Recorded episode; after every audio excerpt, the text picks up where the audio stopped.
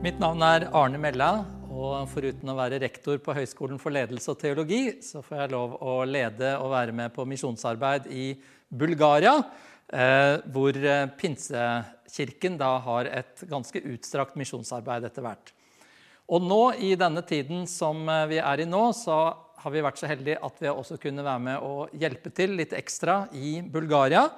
Vi har ikke kunnet reise som vanlig, naturligvis, pga. korona. Men heldigvis har vi kunnet sende noe hjelp og penger nedover. Og jeg tror jeg har fått over 100 bilder tilbake igjen som eh, forteller om eh, glade mennesker, takknemlige mennesker, for at vi har kunnet være med og hjelpe. Og her ser dere noen av bildene. Eh, hjelpen når fram. Vi er veldig glad for at vi har kunnet være med og gjøre dette. Og takk da også til alle dere som er med og gir til menigheten, sånn at dette har blitt mulig. Vår kontakt i Bulgaria forteller oss at vi på denne måten har fått hjelpe over 30 kirker og landsbyer eh, med mat og støtte, og i hvert fall 35 pastorer. Eh, så det betyr noe, det at vi kan eh, sende hjelp nedover og være noe for andre midt i koronatiden. Så veldig glad for det. Tusen takk på vegne av alle i Bulgaria til Pinsekirken og alle dere som er med å gjøre dette mulig. I dag og neste søndag så skal jeg få lov å tale til dere over temaet 'Jesus kommer tilbake'. Og det syns jeg er et eh, spennende tema. Og jeg har lyst til at vi skal begynne sammen i Apostlenes gjerninger, kapittel 1, eh, hvor eh, vi er med på en begivenhet som skjedde like før pinse. Ti dager før pinse, på Kristi himmelfartsdag, så lover eh, Jesus disiplene sine at de skal få kraft. Lukas evangeliet forteller at han velsignet dem, og så ble han tatt opp til himmelen. Og mens disiplene står der og ser opp mot himmelen, så er det plutselig to engler som står hos dem, og så sier de Denne Jesus som ble tatt bort fra dere opp til himmelen, han skal komme igjen på samme måte som dere har sett ham fare opp til himmelen. Jesus skal komme igjen. Han skal komme tilbake. Og jeg syns faktisk at det er et fantastisk budskap å formidle midt i den urolige og utrygge verden som vi er i akkurat nå. Med korona, med eh, usikkerhet, kanskje eh, frykt hos noen også. Hva skal skje? Hva, hva kommer videre? Jesus eh, kommer tilbake. Det er Bibelens budskap om håp eh, og hva som skal skje videre. Og det er mye å si om dette temaet. Og jeg skal ikke bli for detaljert, men det er sånn at Bibelen bruker to uttrykk, eller to eh, beskrivelser, på Jesu gjenkomst. Og Den første det er at han skal komme som en tyv om natten. Og det andre det er at han skal komme med stor makt og herlighet. Og det legges da samtidig til 'alle skal se ham'. Og Så langt jeg forstår, så må dette være to ulike begivenheter. Eller om du vil, at Jesus kommer i to etapper, eller i to omganger. Og han kommer også med to ulike roller. Den første gangen så vil han komme som en brudgom. Jeg skal komme straks tilbake til hva er linken mellom en tyv og en brudgom. Eh, og det andre er altså at Jesus kommer tilbake som konge. Og det skal vi altså se litt mer på disse to søndagene. Det første som jeg har lyst til å begynne med, er altså å si litt om at Jesus kommer som en tyv om natten. Og en tyv tror jeg vi kan være enige med at kommer både plutselig og uventet, og han kommer i det skjulte. Og Jesus forklarte faktisk at hans komme skulle være på samme måte. Og Derfor sier han dere må være forberedt. Og I en tale som Jesus holder, hvor han sier mye om de siste tider, nemlig Matteus 24, så har jeg lyst til at vi skal eh, lese et avsnitt der sammen. Fra vers 37 så står det Som i Noas dager, slik skal det være når menneskesønnen kommer. For i tiden før storflommen spiste og drakk de, giftet seg og giftet bort, helt til den dagen Noah gikk inn i arken. Og de skjønte ingenting før flommen kom og tok dem alle. Slik skal det være når menneskesønnen kommer. Da skal to menn være ute på markene. Én blir tatt med, én blir igjen. To kvinner skal male sammen på kvernen. Én blir tatt med, én blir igjen. Så våg, da, for dere vet ikke hvilken dag Deres Herre kommer. Men det skal dere vite. Dersom husherren visste når på natten tyven kom, ville han våke og ikke la ham bryte seg inn i huset. Derfor må også dere være forberedt, for menneskesønnen kommer i den time dere ikke venter det. Plutselig, uventet og i det skjulte. Og Vi leser her at livet går sin vante gang for de fleste. Vi spiser og drikker, vi stifter familie. Og alt det der er naturligvis vel og bra. Men en gang skal altså denne tidsalderen ta slutt, og Jesus skal komme tilbake. Og spørsmålet er jo da er vi klare til å bli med ham. Lever vi for noe som er større enn dette livet? Eller er det som vi har rundt oss her, det som betyr aller mest? Jesus han brukte mange bilder og lignelser når han skulle forklare mennesker om Guds rike. Og bare for å understreke det med en gang Jesus er naturligvis ingen tyv. Eh, han kommer for å hente de som allerede tilhører ham. Men han vil altså komme uventet. Og det utfordrer deg og meg tenker jeg, til å tenke igjennom hvordan forvalter vi våre liv, våre muligheter, våre ressurser. Rett og slett den tiden som vi har fått til rådighet. Og så fortsetter denne teksten og talen til Jesus med enda et bilde. Og det er her koblingen kommer mellom tyven og brudgommen. For Jesus han snakker om en brudgom og et bryllup. Og Han forteller i det neste kapitlet om ti brudepiker som ventet på å være med på bryllupsfest. Og På Jesu tid så var det nemlig sånn at eh, både bruden og alle brudepikene de var hjemme hos bruden og ventet på brudgommen som skulle komme. Og du kan kanskje gjette når? Jo, midt på natten. For å ta med seg da bruden og brudepikene til bryllupsfesten. Og da fikk altså eh, alle som var der, være med på det.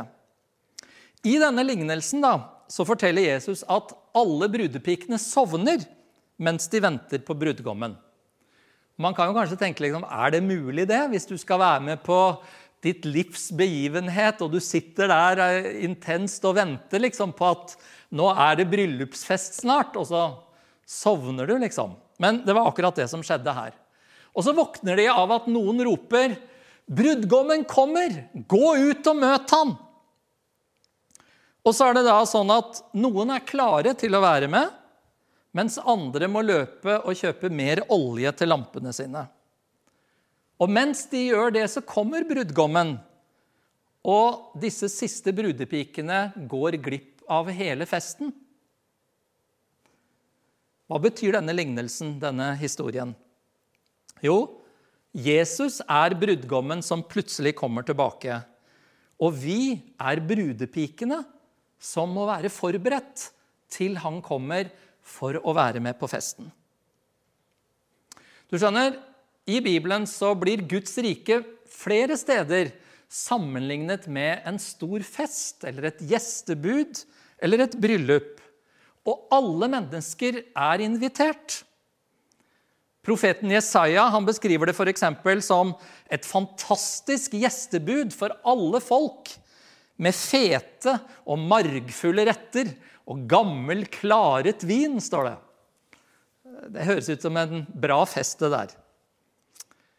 Men så var problemet da, at alle var ikke interessert i å ta imot invitasjonen. Og Jesus han forteller en lignelse til i Matteus kapittel 22. Eh, og Der sier han Igjen talte Jesus til dem i lignelser. Himmelriket kan sammenlignes med en konge som skulle holde bryllup for sønnen sin. Han sendte tjenerne sine til de innbudte og ba dem komme til bryllupet, men de ville ikke komme. Da sendte han andre tjenere ut som skulle si til de innbudte.: Festmåltidet har jeg gjort i stand. Oksene og gjøkalvene er slaktet, og alt er ferdig. Kom til bryllupet. Men de brydde seg ikke om det. En gikk til sin åker, og en annen til sin forretning. Og Lukas han forteller at det var mange unnskyldninger som folk hadde for at de ikke kunne komme på bryllupsfesten. Jeg vet ikke om du kan kjenne deg igjen, eller om du har snakket med noen som har sagt det på den måten at kanskje senere, kanskje en annen gang, så passer det bedre å bli en kristen, f.eks. Kanskje når jeg blir gammel, sa en til meg en gang. Eh, det var liksom noe jeg måtte leve og oppleve først. Men dels er det litt misforstått i forhold til hva det egentlig betyr å være en kristen. Men dels er også det alvorlige at vi vet ikke når bryllupsfesten skal være. Og hvis du vil være med på festen, så må du takke ja til invitasjonen. Det er egentlig sånn med alle fester, og også sånn i Guds rike. La meg si litt om dette med brudgommen og bruden. For det blir en del skriftsteder i dag, men eh, sånn må det bli når vi skal gå inn i et sånt tema. Men det var sånn at like før Jesus dro til himmelen, på Kristi himmelfartsdag, sånn som vi leste om, så kom han med et løfte til disiplene, som vi kan lese i Johannes kapittel 14.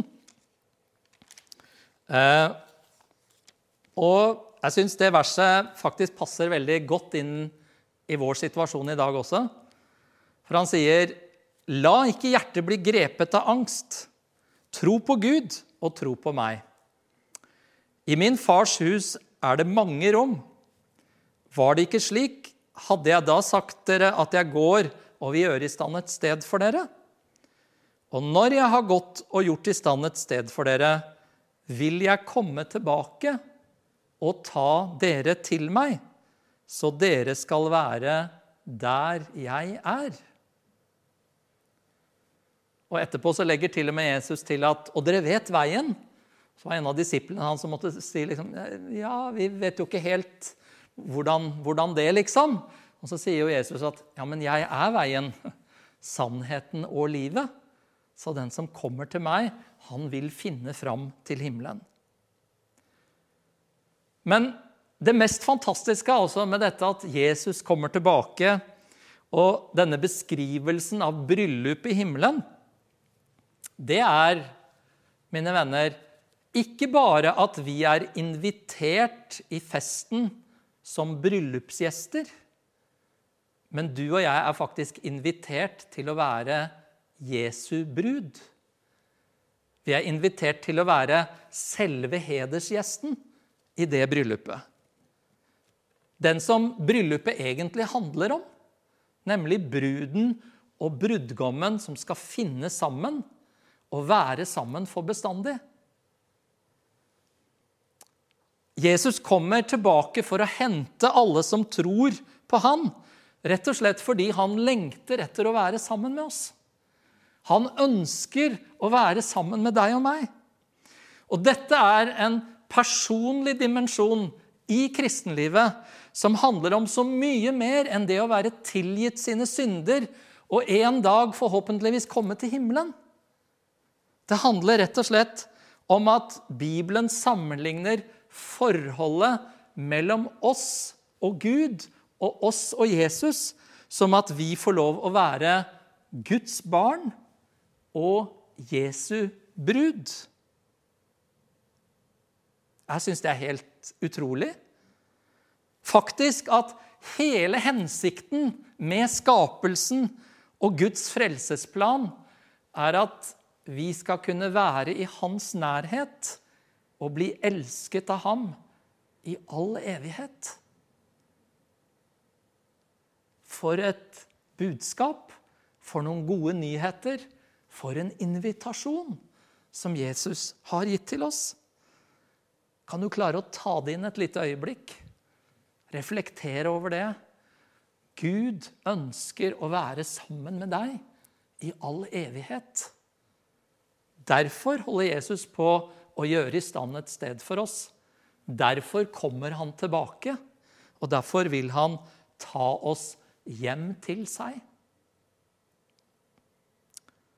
Fantastisk, syns jeg.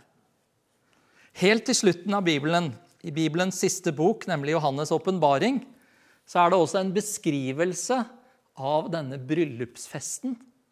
Og hør et øyeblikk hvordan Johannes beskriver denne fantastiske scenen som han får et glimt av når han skriver denne boken. Da var det som jeg hørte lyden av en stor skare. Et brus av veldige vannmasser og et drønn av mektige tordenbrak. De ropte. Halleluja, for Herren vår Gud, den allmektige, er blitt konge. La oss glede oss og juble og gi ham æren. For tiden for lammets bryllup, altså Jesu bryllup, er kommet. Hans brud, det er deg og meg, det, har gjort seg i stand. Og hun har fått en drakt av skinnende, rent lin. Så forklarer Bibelen at det er den rettferdigheten som vi har fått av Jesus. Vi stiller ikke med våre egne skitne filler, alt det vi ikke strakk til med. Men vi stiller i det bryllupet med hans klær, hans rettferdighet og det at han har elsket oss og kjøpt oss fri til å kunne være hans brud.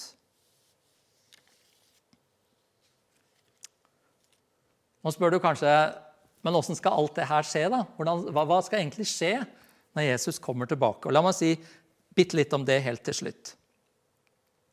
Jeg sa innledningsvis at Jesus kommer tilbake plutselig og uventet. Men samtidig så har han også beskrevet mange forskjellige tegn i tiden som skal hjelpe oss til å forstå at nå nærmer det seg at Jesus kommer. Det handler om at når verden i økende grad preges av kriser, av krig, av naturkatastrofer, av hungersnød og vanskeligheter, da skal vi vente han tilbake. Så kan vi jo se selvfølgelig at historien har vært full av dette hele tiden. Men samtidig så aner vi at det øker eh, i omfang. Og det skal få oss til å tenke at nå nærmer det seg at Jesus kommer. Samtidig er Bibelen veldig tydelig på at vi vet ikke nøyaktig når det vil skje. Vi vet ikke dagen eller timen. Det er det bare Gud som vet, sier Jesus. Men alt dette skal få oss til å tenke at jeg vil være klar. Dette vil jeg være med på. Jeg vil ha del i dette som Jesus har for meg. Og så forteller da at når Bibelen at når Jesus kommer, så blir vi faktisk løftet opp til himmelen på et øyeblikk. Jeg tenker at det blir verdens største evakuerings- eller redningsaksjon, hvor en masse mennesker faktisk blir tatt med sammen med Jesus til himmelen. Og Paulus han forteller oss litt om dette i 1. Tesalonikerbrev, kapittel 4. Og han sier dette sier vi dere med et ord fra Herren. Vi som fremdeles lever og blir igjen her helt til Herren kommer. Vi skjønner jo at mange har dødd opp gjennom århundrene også. Men noen vil jo være her og leve når Jesus kommer. Og da sier Paulus eh, vi skal slett ikke komme før dem som er sovnet inn, altså før de som er døde. For når befalingen lyder, når erkeengelen roper og Guds basun høres, da skal Herren selv stige ned fra himmelen, og de døde i Kristus skal stå opp først. Deretter skal vi som er igjen og ennå lever, bli rykket bort sammen med dem i skyene for å møte Herren i luften. Og så skal vi være sammen med Herren for alltid. Trøst og sett mot i hverandre med disse ordene. Så dette med at Jesus kommer tilbake, det er ikke noe som skal skremme oss. Eh, det er ikke noe vi skal være redde for, men det skal være en trøst. Det skal være noe som hjelper oss når vi står i vanskelige situasjoner, å vite at en dag så kommer Jesus tilbake. En dag så skal vi oppleve at alt det han har sagt, det vil gå i oppfyllelse. Og en dag så vil han faktisk også gripe inn og redde verden fra de katastrofene og eh, alt det eh, forferdelige eh, som vi etter hvert har rotet oss inn i. Men det er litt tema for neste søndag. Men Paulus han sier også sånn, han kaller det en hemmelighet. Vi skal ikke alle dø, men vi skal alle bli forvandlet. En dag så skal dette forgjengelige bli ikledd uforgjengelighet, og det dødelige bli ikledd udødelighet. Og da vil også døden være overvunnet for bestandig. Dette er det kristne håpet. Det er det vi kan få lov å stole på. Det er det vi kan få lov å strekke oss etter og oppleve at Gud har for oss. Jesus kommer tilbake. La det være et ord til oppmuntring. La det være et ord til trøst. La det være et ord til glede. Og la det også være noe som utfordrer oss i forhold til hvordan vi lever det livet som vi har her på jorda, fram til Jesus kommer tilbake. Og Jeg vil gjerne avslutte med å gi deg som ser på, den invitasjonen at hvis ikke du er helt sikker på om du er klar til at Jesus skal komme tilbake, eller du ikke har fått sagt ja takk til den invitasjonen som Bibelen gir til denne festen, til dette gjestebudet, så er det faktisk så enkelt at du kan si, 'Jesus, jeg vil gjerne tro på deg.' 'Jeg vil si ja takk til din invitasjon.' 'Jeg vil være med når du kommer.' Skal vi be sammen? Himmelske Far, vi takker deg for dine gode planer og tanker for oss. Takk for din fantastiske plan helt fra evigheten av. Og takk at vi kan få lov å tilhøre deg og ta imot din invitasjon. Herre, vi har lyst til å si mange akkurat nå. Jesus, vi vil si ja takk til din invitasjon. Vi vil be om din hjelp og din kraft til å leve livet sånn at vi kan være klar når du kommer. Og ikke bli skremt av alt som skjer i verden, men bli fylt av trøst og mot fordi du skal komme tilbake. Takk at du sier at alle som tok imot deg, dem ga du rett til å bli Guds barn, de som tror på Guds navn. Amen.